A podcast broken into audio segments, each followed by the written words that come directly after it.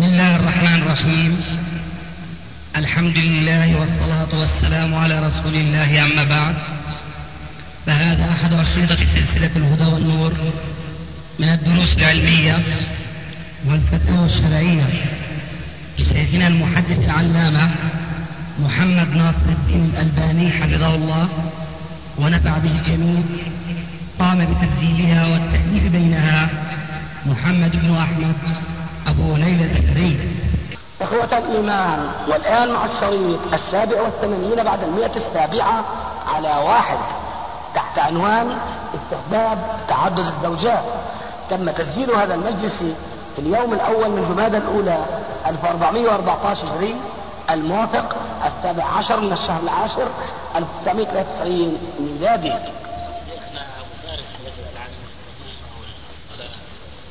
إحنا شيخ بدنا نسأل عن واحد عن على باله يتزوج مثلا يفنن هل يلزم يستشير زوجته أو مثلا يرى أنه مثلا هناك مفسدة أو يلزمه أن يتذكر نصيحة الألباني الآنفة الذكر أن يمهد. يمهد؟ إيه، كل شيء ممكن المساومة عليه إلا هذا الأمر.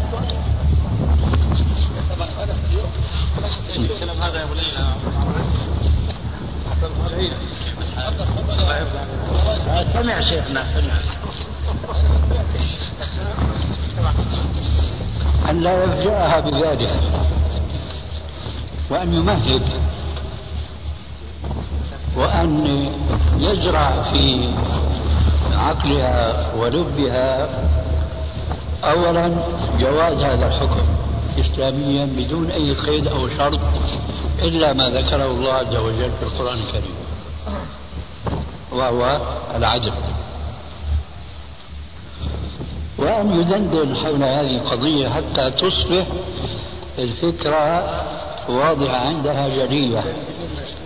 هذا من الناحية الفكرية أما من الناحية العملية ما بيهمنا نحن. قصدنا ألا نفجأ الناس عمليا بقضية هم فكريا لم تطرق أسماءهم من قبل كما ذكرنا آنفا لأن هذه مسألة فعلا مسألة حساسة جدا ونحن نعلم بالتجربة بالواقع من كثير من الناس أنك لو احتطت وتحفظت وزرعت وذكرت مع ذلك تجد المعارضة. لماذا؟ لأنه مضى على المسلمين زمن وبخاصة في هذا الزمن غزوا في أخر دورهم. بأفكار ليست من الإسلام في شيء ومنها أن الزواج الثاني لا يشرع إلا لضرورة هذه الفكرة يعني تبناها كثير من الرجال فضلا عن النساء اللي يغلبهن الهوى والغيرة التي ليست بطبيعة الحال مشروعة دائما. فهذا هو الذي ننصح به في مثل طيب شيخنا إيش حكم ولعلك إن شاء الله أنت يعني تمهد الان شيخنا إيش حكم المرأة اللي مثلا تحول بين تحول يعني بين زوجها وبين هذا ال ها ابو ليلى لا تخالف مبدأك ابو أحمد حريص ما يتنفس الآن. نعم. يعني هل تكون المرأة ظالمة إذا إذا منعت هذه الرغبة عند زوجها؟ أظن تعبيرك بقولك منعت. ما هو دقيق؟ لا يعني يعني عرقلت يعني يا شيخنا مثلا خلت الأولاد يشربوا عليه وكذا. يكسرون السيارة. أحمد سفيد تجار الزيت أنتوا كلكم مشتيين لكن يعني أنا يعني أنا مدن مسرحيه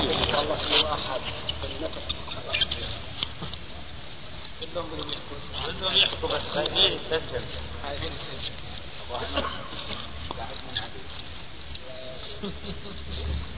طبعا أعتقد أنه لا يجوز ذلك. لسببين الأول أنها تصد عن سبيل الله والآخر أنها تخالف أمر زوجها. لأنكم تعلمون إن شاء الله تعليقا لا تحقيقا.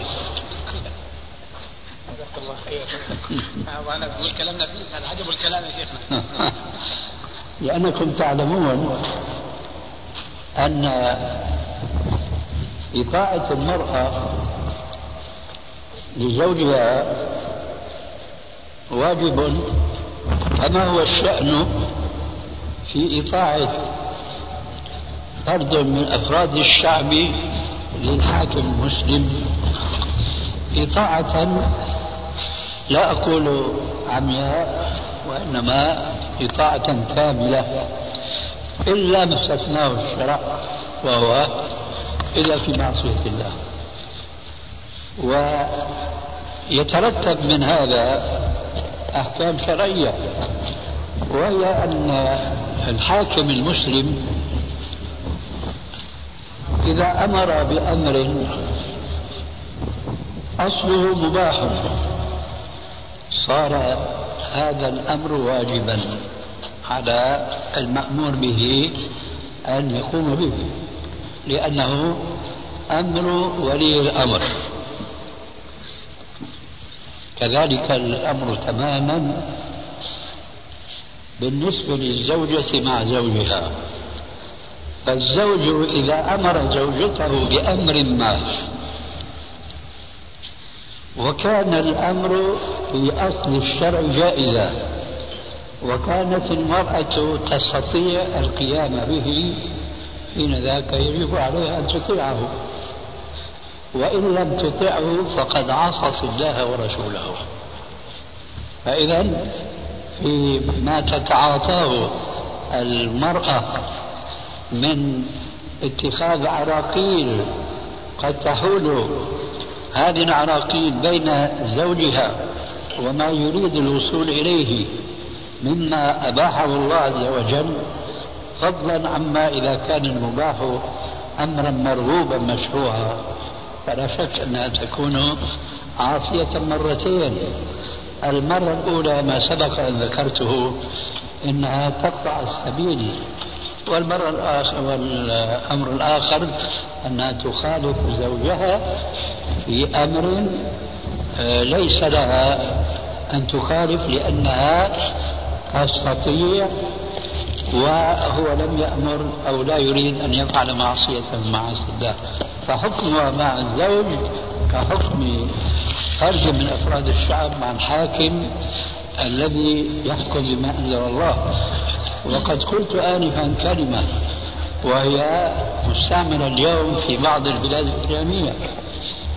أنهم يبررون تنفيذ بعض الأمور أو بعض الأحكام الطارئة الجديدة بحكم أن هذا أمر ولي الأمر. فلا بد هنا من التفكير بما أشرت إليه آنفا لكن في كثير من الأحيان لا يغني التلميح عن التصريح. فأقول لا بد لولي الأمر إما أن يكون عالما بالكتاب والسنة حتى يعتذر بطاعته فيما أمر به مما ليس له أصل في السنة. أو أن يكون إذا لم يكن عالما بالكتاب والسنة أن يكون عنده مجلس شورى من أهل العلم والفضل فلا يصدر حكما ما إلا بعد أخذ موافقة هؤلاء العلماء وبخاصة إذا كان فيهم من هو أعلم من غيره أما إذا صدر الأمر من ولي الأمر وهو في العلم ليس في العير ولا في النفير فهذا لا يصدق فيه ذلك الحكم الذي ذكرته آنفا على ذلك نقول أيضا في الزوج أن يكون عالما بالكتاب والسنة وما يجوز وما لا يجوز فإذا مثل هذا الزوج أمر زوجته وكان هذا الأمر ليس فيه معصية لله أولا وكان باستطاعتها تنفيذه ثانيا وجب عليها هذا التنفيذ لما تقدم بيانه. شيخنا أمر متعلق بنفس المسألة. نسأل نفس المسألة. شيخنا التعدد عندكم هو الأصل ولا هو فرع؟ بل على يدمر تزوجوا الودود الودود. فإني مباهل بكم الأمم يوم القيامة.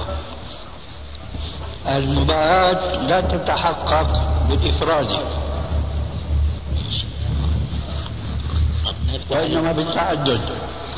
فانقلوا تعدد الأحزاب إلى تعدد الزوجات. الله يفتح عليك الله يفتح عليك بالطب يا شيخنا شريف المفروض يحضر على النساء. يحضر ولا يحضر؟ يحضر. شيخنا الآن بدوروا على مرة ما تجيب أولاد جوز مرأة ثانية بدور عليها ما تجيب أولاد يعني عشان ما يتخلف.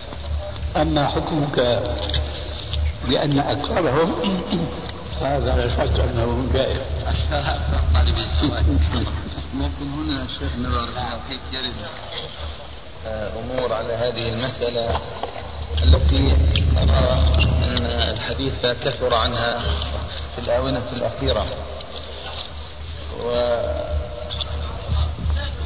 ومن أول هذه الأمور ما ذكرتم من أنه ينبغي أن تتحقق الاستطاعة عند من يريد أو يسمع الأمر ثم لا يملك أمام هذا الأمر إلا أن ينفذه لأن طاعة ولي الأمر واجبة شرعا.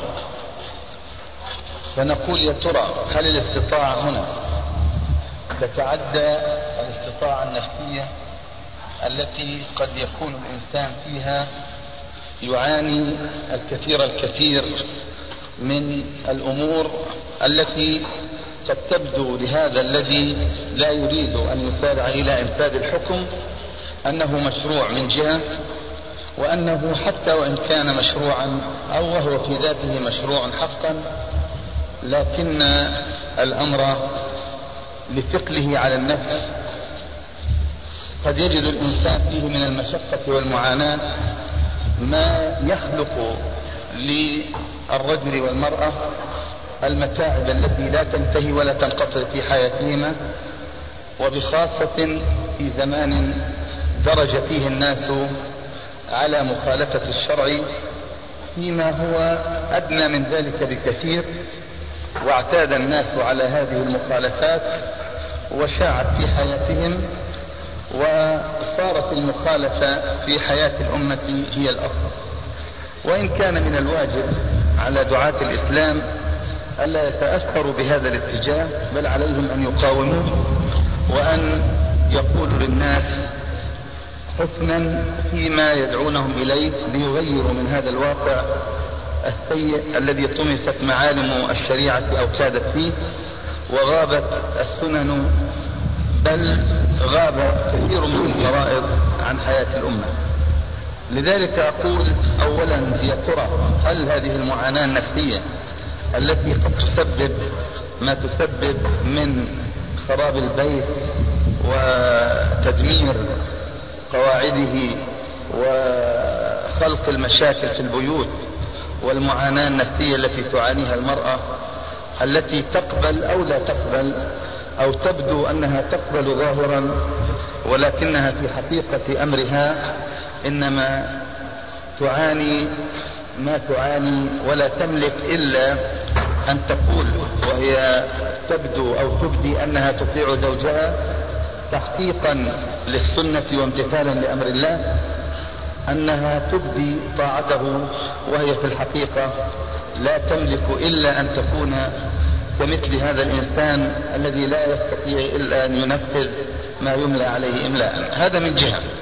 أما الأمر الثاني فهو كما تعلمون شيخنا بارك الله فيكم أن الثقافة التي شاعت في الأمة اليوم خلفتها كثيرا جدا عما ينبغي أن تكون عليه من التزام الشرع والوقوف مع أحكامه وتمثل مقتضى العقيدة. وأصبح هذا الأمر وهو تعدد الزوجات أصبح سببا من الأسباب التي وجدت هناك أناسا حتى من العلماء من علماء الإسلام الذين يدعون أو يدعون بأنهم علماء ويتكلمون باسم الشرع ويستفتون إلى غير ذلك مما هو ظاهر في حياتنا. أقول إن الثقافة الغربية هذه التي شاعت في حياتنا وخلقت لنا فينا أجيالا متعددة كثيرة جدا وهذه الأجيال ترث أو يرث كل جيل عما قبله يرث تركة مثقلة بالأخطاء والأوهام والخيالات والبعد عن مصادر الشريعة وإيثار ما هو أو ما أتت به هذه الثقافة على غيره مما صرحت به شريعة ربنا من الأحكام التي تسمى واجبة أو مندوبة أو على الأقل مباحة.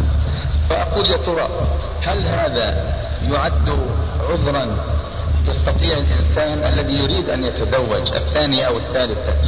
هل يقدم على مثل أو على الزواج بالثانية أو الثالثة؟ وهو يعلم بأنه كما أشار بعض إخواننا في سؤالاتهم الآنفة الذكر آه أنهم يعلمون حق اليقين بأن الإقدام على الزواج الثاني يشرد الأولاد وربما أغلق البيوت وربما أوصل الزوجين إلى أبواب المحاكم التي قد تقضي بينهما بأن تفرق بينهما لكثرة المشاكل التي تقع. فنرجو شيخنا بارك الله فيكم آه أن تفيدونا عن هذين الأمرين اللذين يبدوان حقيقة بأنهما مشكلتان خطيرتان في حياة البيوت المسلمة. ونجد أن أبناءنا في بيوتنا نشفئ وربوا على قبول الأم وألا يقبلوا غير الأم.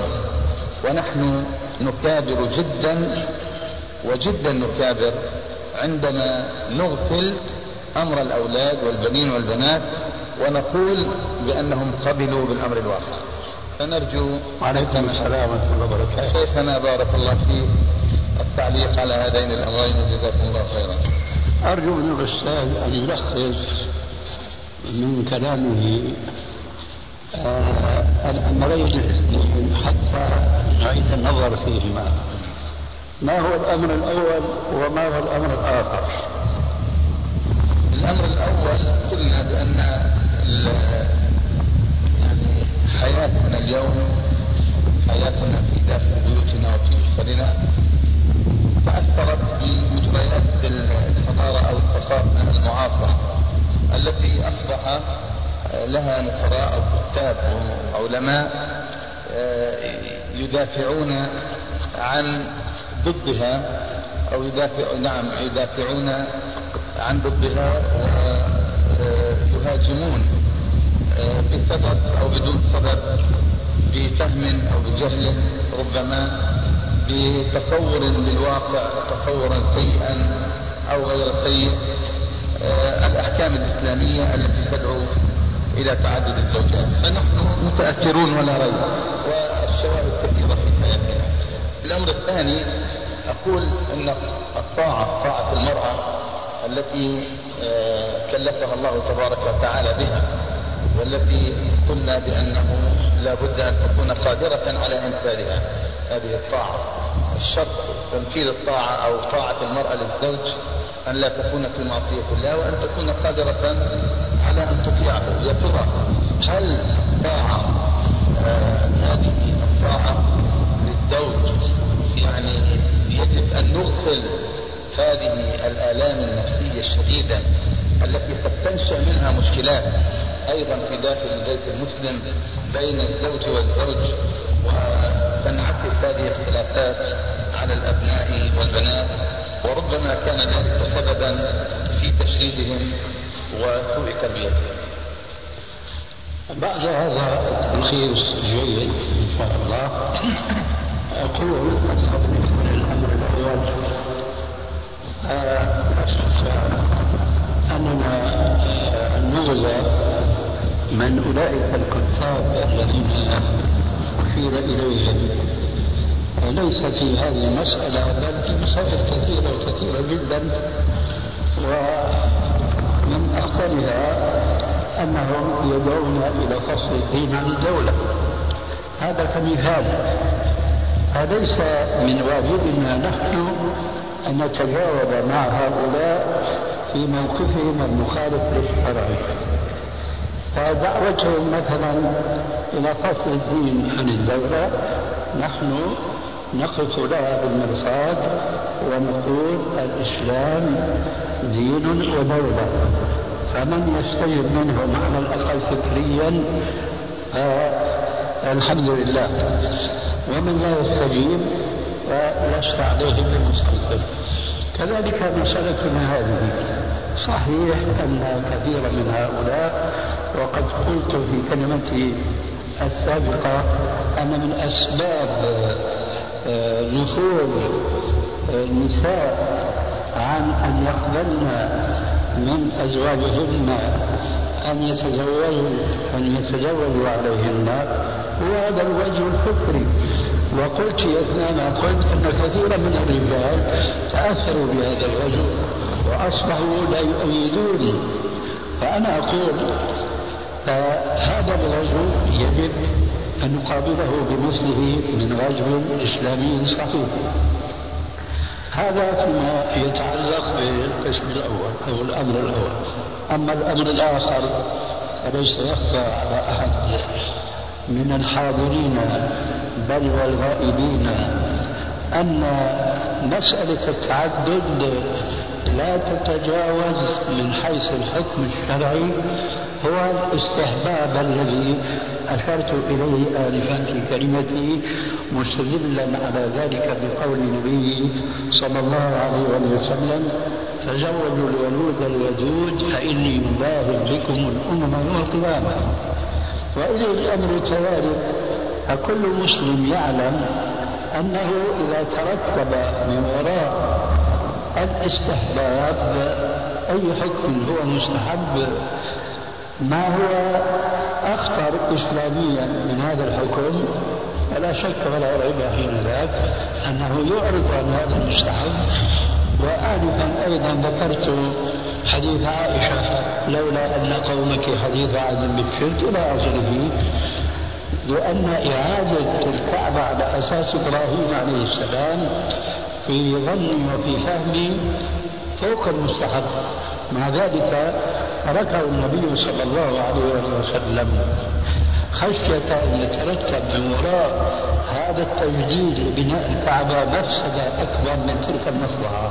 هذه قاعدة معروفة عند العلماء. إذا كان الأمر كذلك فالمسألة لا يجوز أن نجعلها عامة. بين الأزواج الذين يريدون أن يعزلوا. لا ينبغي أن نجعلها عامة للأمر الأول وهو أننا مغرورون من بعض الكتاب الغربيين أو المتغربين منهم وإنما نحن نذكر بأنك أيها الزوج إذا أردت أن تتزوج ويغلب على ظنك أنه يترتب من زواجك مفسدة أكبر من المصلحة التي أنت ترمي إليها هذا مفهوم من هذه أن تلجأ إلى تطبيق هذا الأمر المستحب. وهذا نقوله فيما إذا كان الأمر في الزواج الثاني يتعلق فقط بأنه مستحب. ولكن أيضا لا يجوز نحن أن ندخل بين الزوجين وأن نفترض دائما وأبدا أن أي زوج يريد أن يتزوج الثانية فهو أمر مستحب. قد يكون بالنسبة إليه أمر واجب والعلاقات الموجودة بين الزوجين لا يمكن لأحد مطلقا ولو كان من أقرب الأقربين أن يعرف حقيقة العلاقة بينهما. فقد يكون الزوج متزوجا وعنده زوجة جميلة وخدومة وكل شيء لكن هناك شيء داخلي لا يمكن أن يطلع عليه الآخرون. هذا الشيء الداخلي من الذي يعرفه؟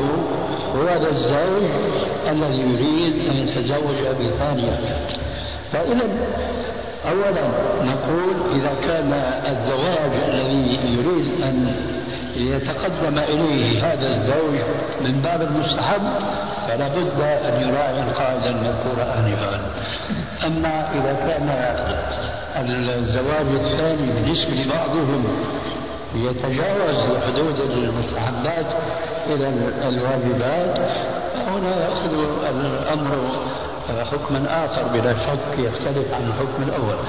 على أن الذي أراه كما قلت آنفا لابد من التمهيد. وقلت هذا لما ذكرتم من أننا مغزوون في هذه القضية من كتاب شرقيين وغربيين ولذلك فلا ينبغي أن يكون موقفنا من الناحية العلمية إلا تذكير المسلمين والمسلمات بهذا الحكم الذي جاء نصره في القرآن الكريم مع التذكير بالاستطاعة والتمكن من الحكم بالعدل بين الزوجات. هذا الذي أراه جوابا عن الأمرين ونسأل الله عز وجل أن يهدينا في كل ما اختلف فيه الناس إلى كلمة الحق واتباع الصواب. إن شاء الله. تعقيبا على هذا تفضل جزاكم الله خير يعني الآن يعني المسألة اتضحت يعني فيما أظن للإخوان هنا ولعل هذا الأمر إن شاء الله أيضا يتناوله الناس عن طريق السماع أو الكتابة. أقول مما الحقيقة ساعد على ترسيخ النفرة في نفوس الزوجات من أن تجتمع إليها امرأة أخرى أمور ثلاثة. أما الأمر الأول فالواقع الذي نراه عند كثير من الأزواج المسلمين الذين تزوجوا ثم شاعت في الناس سيرة بيوتهم وكان زواجهم لم يحقق لا العدل بين الزوجات ولم يحقق العدل أيضا بين الأبناء. ومما أظن أظنه سببا في ذلك اختلاط الأمور الآن في حياتنا العامة والخاصة ثم أيضا ضيق ذات اليد عند كثير من الذين يتزوجون ويقدمون على الزواج وفي نيتهم أن يجمعوا أو أن يحققوا العدالة أو يقولوا في أنفسهم إن الله عز وجل يخلق لنا الرزق فيما بعد. وهذه أمور مغيبة لا يقدر ولا يعلم عليها ولا يعلمها إلا الله سبحانه وتعالى. أما الأمر الثاني فهو الحقيقة ما نجده أيضا في نفوس كثير من الذين يتزوجون أو يريدون الزواج أن الرغبة الداعية للزواج ليست متساوية في غاياتها التي شرعت من شرع من أجلها تعدد الزوجات. فنجد أن الغالب على الزواج الثاني وبخاصة في هذه الأيام هو الرغبة في المرأة فقط. وليس أن وراءتها الإكثار من الأبناء والبنات أو الذريات. فالحقيقة هذه الرغبة إنما تشع في قلوب أو في صدور الشباب والرجال وهم يرون هذا هذا الصام العام في مجتمعاتنا من عري النساء وتبرجهن وغير ذلك من الأسباب التي تدعو إلى خروج إلى الإقبال على الزواج لأن الرجل يريد أن يتزوج لذات الشهوة المرأة هذا أيضا لابد أن يضاف إلى هذه المسألة ولربما يقال في مثل هذه الحالة بأن الزواج ما دام أن الرجل يرغب في تعدد النساء ليحمي نفسه من المعصية أن يقال له في مثل هذه الحالة إن الثانية والثالثة والرابعة لا يحميه لأن الشهوة متجددة لرؤية النساء يوما بعد يوم وهن يتفنن في عرض زينتهن وأجسادهن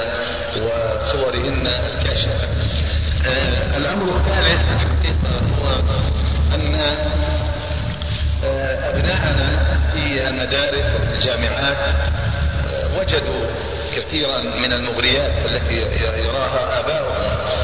فلا بد أن يكون هناك أيضا الشباب بخاصة هم أدعى إلى تحقيق رغباتهم ودفع الأذى عنهم من الآباء أنفسهم فالأب يجد زوجة ربما ينال منها وتنال منه يخمد صوت شهوته التي الذي يدعوه دائما وابدا إلى الحديث عن المرأة الثانية فهؤلاء الحقيقة أولى أن يحمر من الفتنة والبنات كذلك. أولى أن يحمين من الفتنة وعلى الآباء والأمهات أن يتعاونوا جميعا في آه، تقديم أو في الإسراع من تزويج الشباب والدعوة دعوة الناس إلى آه، تخفيض نفقات الزواج والإقلاع عن العادات الموجودة في حياتنا اليوم. أقول هذه الأمور الثلاثة الحقيقة مدعاة إلى النظر في مثل هذا الأمر الذي تحدثتم جزاكم الله تبارك وتعالى عنا خيرا فيما قلتم ولعل إخواننا أيضا يكونون عونا لنا في هذه الاتجاهات التي آه، نريد من أنفسنا نحن دعاة منهج الكتاب والسنة أن نضرب المثل بأنفسنا بالناس جميعا. أن قيامنا في هذه الدعوة وعليها وفي حقها وبها لا يكون بالنظر إلى مثل هذه الأمور وحدها منفصلة عن سائر الأحوال التي يعاني منها المسلمون اليوم بل يجب أن تلتئم كلها جميعا على طريق واحد وهدف واحد لكي نكون بحق إن شاء الله دعاة على بصيرة.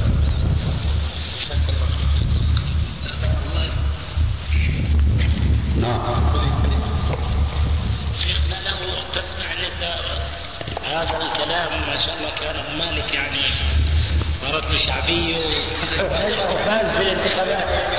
اللي ما حضرت له شعبيه على كل حال الذي نراه لابد لكل مسلم يتبناه أن قضية الزواج الثاني لا يجوز أن تجعل شريعة مستحبة لكل زوج ولا شريعة ممنوعة لكل زوج. لأن الأمر كما قال تعالى بل الإنسان على نفسه بصيرة. أما مراعاة ما قد يحدث وما قد يطرأ على هذا الزواج الثاني هذا ينبغي ملاحظته. ولكن هذا الذي يقال بالنسبة للزواج الثاني يمكن أن يقال أيضا في الزواج الأول. والآن كثير من الأزواج لا يقومون بواجب الحقوق الزوجية وهم ما فنوا كل واحد يتمتع بزوجة واحدة فهم مقصرون. فهل نقول ما دام أن الواقع من كثير من الأزواج.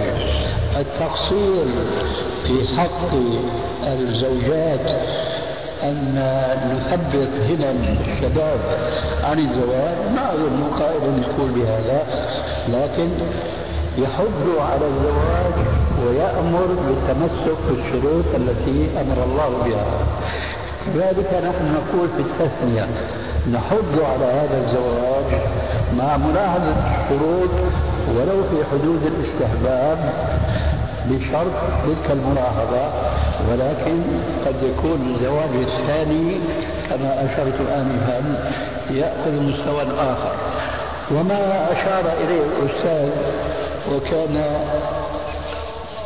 وكان آه، دقيقا في ملاحظته حينما ذكر الفساد وانتشار الخلاء والتبرج في النساء أن هذا قد يدعو بعض الأزواج أن يتزوجوا بالثانية.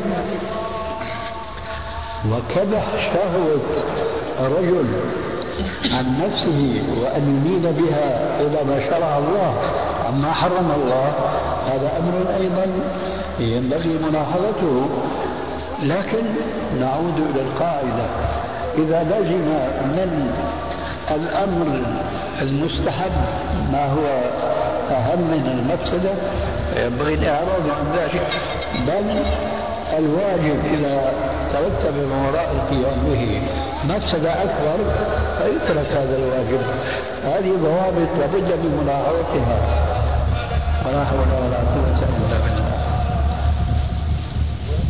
إن شاء الله صار العصر. ها؟ اي والله. لا حول ولا قوة إلا بالله هذا صاحبنا يمينه مثل الدرويش يمينه ويساره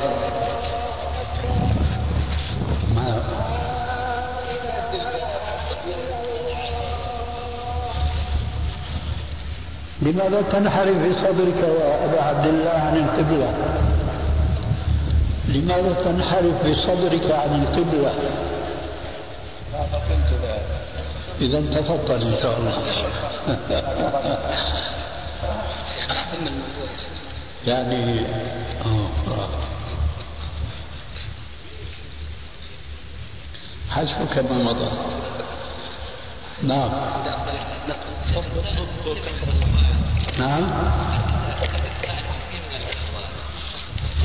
فتقول إنكم تشجعون وترغبون الشباب في الجنة بذكر الحور العين فما للنساء فما للنساء هل للنساء ما يقابل الحور العين في الجنة؟ فكيف نجيبهم جوابا؟ شافيا أما جواب الشافي فهو الإيمان بالله ورسوله. هذا السؤال نابع. عليكم السلام ورحمة الله وبركاته. نابع عن الإعجاب بالرأي ونابع عن البعد عن الإيمان بالله ورسوله. هذا كالمرأة تقول لماذا ربنا خلقني امرأة مركوبة ولم يخلقني رجلا راكبا هذا كلام يقوله مؤمن. هذا يعني أمر خطير جدا. يكفي هذا النوع من النساء أن يذكرن بالنص العام في القرآن الكريم في الجنة ما لا عين رأت ولا أذن سمعت ولا خطر على قلب بشر. وليس من المفروض أن يعلم الرجال فضلا عن النساء. تفاصيل ما ادخر الله لهم ولهن من النعيم المقيم في الجنة. ليس من الضروري أن يعرف الرجال فضلا عن النساء أن يعرف هؤلاء جميعا ما ادخر الله لأهل الجنة من النعيم المقيم. يكفي هذه النسوة أن يذكرن أنهن يلتقين مع الرجال في أكبر نعمة آه، يحظى بها أهل الجنة وهي رؤيتهم لربهم فيها. حينما يتذكرن هذه النعمة فستطرى على ذلك السؤال التافه الذي لا يجر الإنسان يفكر بهذه النعمة الكبرى التي إذا ما آه، تمك إذا ما حصلت للمؤمنين في الجنة نساء ورجالا نشأوا نعيم الجنة وما فيها. والحقيقة أن هذا السؤال ينبع من فراغ ذهن النساء بل وكثير من الرجال عن بعض الأوصاف التي جاءت مفصلة في السنة الصحيحة. لأن الإنسان حينما يتشبع ببعض الصفات لذات ما لا يطمع أن يعرف صفة أخرى. في تلك الذات. أقدم بهذه الكلمة لحديث عبد الله بن مسعود رضي الله تعالى عنه الذي رواه الإمام مسلم في صحيحه. قال قال رسول الله صلى الله عليه وآله وسلم إني لأعرف آخر رجل يخرج من النار وآخر رجل يدخل الجنة. رجل يخرج من النار يحبو حبوا والحديث طويل وما دام حضر الطعام الآن فأختمه بنهايته وهو أن هذا الذي كان آخر من خرج من النار وآخر من يدخل الجنة خرج من النار يحبو حبوا وكأنه فحمة سوداء لا يستطيع أن يمشي سويا كما خلقه الله من قبل. هذا إذا وصل إلى باب الجنة هذا مختصر القصة. قال الله له ادخل الجنة. ولك فيها مثل الدنيا وعشرة أضعافها. لك في الجنة مثل الدنيا وعشرة أضعافها. فلا يدخل في عقل هذا المسكين المحترق بالنار أن يكون له في الجنة مثل الدنيا وعشر أضعافها. يقول يا رب أتهزأ بي وأنت الرب؟ فيضحك الرسول ويضحك راوي الحديث عن الرسول ويسأل كل واحد من الطبقات هذه لم تضحك؟ قال لما العبد قال للرب أتهزأ بي وأنت الرب؟ ضحك الرب فضحك الرسول فضحك ابن مسعود وهكذا.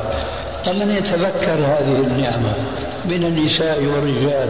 يبقى هناك مجال مثل ذاك السؤال. لكن هو الفقر الذهني والعلمي هو الذي يفسح المجال لهؤلاء الفقراء والمساكين حقا ليطرحوا مثل هذا السؤال مثل ذاك السؤال التافه الباهت الذي لا قيمه له وتفضلوا معنا هذا السؤال مالك الدنيا لما جبلت عليه عليها قلوب أصحابها من فتن وكذا. وما في الآخرة ونزعنا ما في صدورهم كذلك وأنا أردت أن أقول سبحان الله بس لا أردت أن أقول شيئا. ليس يعني هو أردت أن أقول أن الدرجات في الجنان متفاوتة. وكما جاء في بعض الأحاديث أنه أدنى درجة يرى من فوق كما نرى نحن النجم فوق السماء. فهل في صدورهم من حراج؟ لا. كذلك النساء. جزاك الله خير. شيخنا أبو ليلى داير بيمسك عليه لما ماسك لساعة الحسد. بحق ام بباطل؟ والله بقول لك هاي الشريط في الدواء تسقى يعني منطق كان في لك دور على متبرع شيخنا جزاكم الله خير على ما قدمتموه. الآن في هذا الشريط حول سؤال أخونا أبو أنس عن التعدد. وما شاء الله لا قوة إلا بالله. طبعا تعدد الزوجات مش الأحزاب. جزاك الله خير تعدد الزوجات كلامكم دائما الحمد لله رب العالمين. تضعون كما تقولون النقاط على الحروف. ولله الحمد. فنسأل الله عز وجل بفضله وبكرمه أن يهدينا وإياكم دائما للصواب والسداد. آمين. شيخنا أقول أنا يعني بالنسبة بمناسبة هذا الموضوع لنا خبرة بين الإخوة في هذا المجال للزواج وفي مجال التعدد. أن كثير من الإخوة الذين يريدون الزواج شيخنا إذا قلنا سمراء يقول لا تصلح لي. إذا قلنا سنك من سنها يقول لا تصلح لي. إذا قلنا فيها شوية عرج يقول لا تصلح لي. إذا قلنا في عينها نمش يقول لا تصلح لي. فعلى هذا كما قلت مرة بقولك أنت لكل ساقطة في الحي لاقطة فإذا بقينا على نمط واحد نقول أن الزواج الذي فيه تعدد يحصل مفسدة وفتنة في المجتمع ولا يصلح في هذا الزمان ونبدأ على هذا الكلام فحتبقى هذه النساء كما يعني نرى في مجتمعنا الآن مطلقة ليس لها زوج وراء ولد ثلاثة ليس لها زوج. وكما سمعت مرة في بعض فتاويكم أفتيتم امرأة أن لا تبقى عن زوجها لأنه سكير وتارك صلاة فقالت ماذا أفعل؟ والآن الرجال لا يقبلون على امرأة مطلقة. فقلت إيه أنت لها يومها ومن يتقي الله يجعل له مخرجا ويرزقه من حيث لا يحتسب. فعلى هذا إذا كان يعني جمعنا هذه الأمور وبعض البعض فنسبة النساء أكثر من الرجال بكثير على هذا. والصالحين من الرجال أقل وأقل ونادر. فعلى هذا يعني التعدد يكون نعمة من نعم الله تبارك وتعالى العظيمة المجتمع الإسلامي. ولا يعلم من خلق وهو اللطيف الخبير الله تبارك وتعالى. وإذا أفتينا بحكم المشاكل التي تطرأ على البيوت بحكم التعدد كان نقول حوادث السير في هذا الزمان كثيرة جدا لا تركب السيارات سقوط الطائرات كثير لا تركب الطائرات. فيعني نقول للنساء كما قال ربنا تبارك وتعالى كتب عليكم القتال وهو كره لكم وعسى أن تكرهوا شيئا وهو خير لكم. فهذا الزواج الذي ترى المرأة فيه ضرر عليها ولربما خير كثير لها في الصبر ولها في الأولاد ولها في الخدمة الدنيوية. فعلى هذا والله أعلم يعني أن نجنح جنح مطلق إلى عدم زواج التعدد في هذا الزمان. أرى والله أعلم في المجتمع الخاص الإسلامي وإن فسد الزمان. يزيد مفسدة على النساء التي لا تجدن رجال من أجل الزواج. فأحببت هذه اللقطة آه، حتى يعني أنا وأنا أعلم يقينا أنه أنا رأيي من رأيك شيخ. جزاك الله خير. لكن آه، ما ذكرته آنفا آه، يكفي لبيان الحق في هذه المسألة. وأنه ما يصلح لزيد لا يصلح لعمر. جزاكم الله خيرا. وما لا يصلح لعمر قد يصلح لزيد. ومراعاة القيود والشروط سواء ما كان منها منصوصا في الكتاب والسنة كالعدالة مثلا والاستطاعة أو ما كان مستنبطا من تطبيق القواعد التي سبق الإشارة إليها. فهذه أمور لابد من التزامها حقيقة سواء أفرد أو هنى أيوة. القضية مش قضية التثنية أيوة. مجرد ما يتزوج المسلم بامرأة فلا بد أن يلتزم القيود والشروط التي فرضها الشارع الحكيم سواء ما كان منها نصا أو استنباطا. والحقيقة أنه ما ينبغي إطلاق الكلام بالحظ على الزواج الثنائي ولا إطلاق الكلام على المنع من ذلك لأن في كل من الأمرين مفسدة وإنما كما قلنا آنفا الأصل في التعدد هو الشرعية ولا شك ولكن لا توضع قاعدة عامة حظا أو منعا حظا أو منعا وأنا ذكرت آنفا مثال حساس جدا.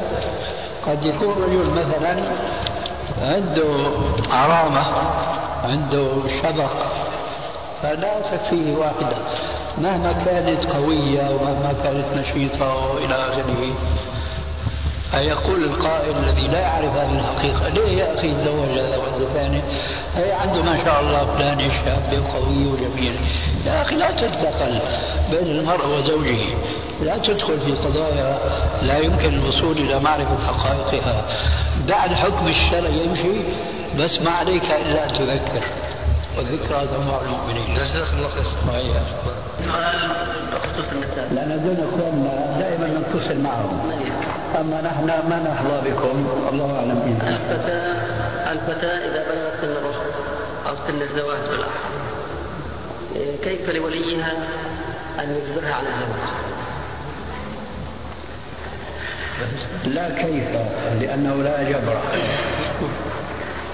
لا يجوز أن تجبر البنت على الزواج إن كانت غير بالغة فأجبرت على الزواج فلها أن تقبل الفتح بعد أن تعقد.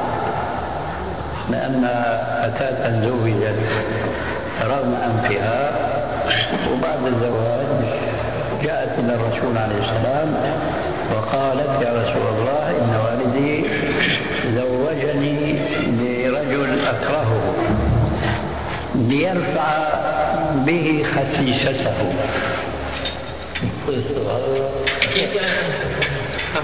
يعني ما له منزلي ما له جاه الأب يعني. كما كما بيجي صغر ما شاء الله. بيرفع إيش؟ منزلته. فرد نكاحها ولذلك لا يجوز لولي البنت أن يكره إحدى بناته ولو كانت بالغة سن الرشد بل ولو كانت تزوجت ثم تأيمت فلا يجوز أن يكرهها وإنما عليه أن يدلها على ما هو أنفع لها في دنياها وفي آخرتها. قال عليه السلام لا نكاح إلا بولي وشاهدي عدل ثم قال لا تكرهوا نساءكم. لكن استأذنوهن. وقال إذا صماتها هنا آداب وشروط لابد من التزامها. وأحيانا يقع شيء مخالف للشرع. الأب قد يعدل وليته بنته يعني يضاررها يؤخر زواجها لماذا؟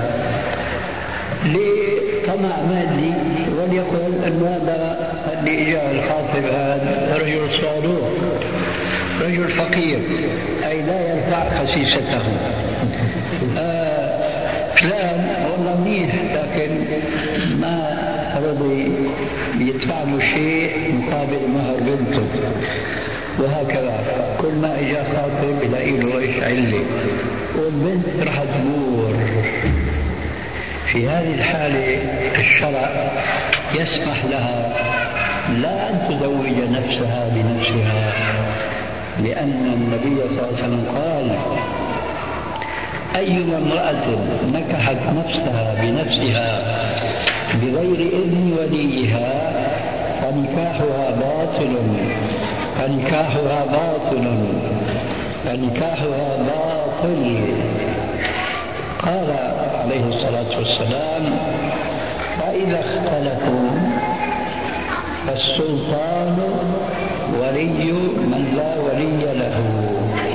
فهذه الفتاة التي كنا نتحدث عنها أخيرا أن أباها أعضلها أخر زواجها لسبب مادي محض ترفع أمرها إلى القاضي الشرعي يرسل وراء ولي أمرها. وقد يكون الولي في بعض الأحيان هو غير الأب مما لا يحرص على مصلحة البنت كحرص الوالد فيرسل القاضي الشرعي إلى ولي أمرها ويستفسر منه عن سبب إعداله إياها. فإن سمع منه سببا شرعيا كان يقول فلان جاءني يخطبها فهو مثلا هذا صلاة بأنه القاضي الشرعي عليه والثاني جاءني والله بشرب خمر ما بيقول له ليش هذا هو الواجب. ما بيجوز لولي الأمر إنه يزوج بنته من فاسق. أما إذا سمع منه أسباب غير شرعية من نحو ما ذكرت انفا ففي هذه الحالة بيتولى تزويجها القاضي رغم أنف ولي أمرها. إذا ما تبين للقاضي أن الخاطب هو كفء لها والكفاءة ليس لها علاقة بغير الدين إطلاقا. لقوله عليه الصلاة والسلام تنكح المرأة لأربع لمالها وجمالها وحسبها ودينها فعليك بذات الدين تربت يداك فإذا كان القاضي عرف أن هذا الخاطب رجل متدين وكفء من هذه الحيثية لهذه الفتاة المسلمة تولى هو عقد النكاح له عليها ولو شرب البحر ولي أمرها هكذا يقول فيما سبق آه، في حديث الرسول صلى الله عليه وسلم تزوجوا آه، الولود الودود فإني مكثر بكم الأمم. يعني المقصود في الحديث آه، الزوجة الأولى أو تعدد الزوجات. وبلغنا عنك أنك يعني لا تنصح تعدد الزوجات في الوقت الحاضر.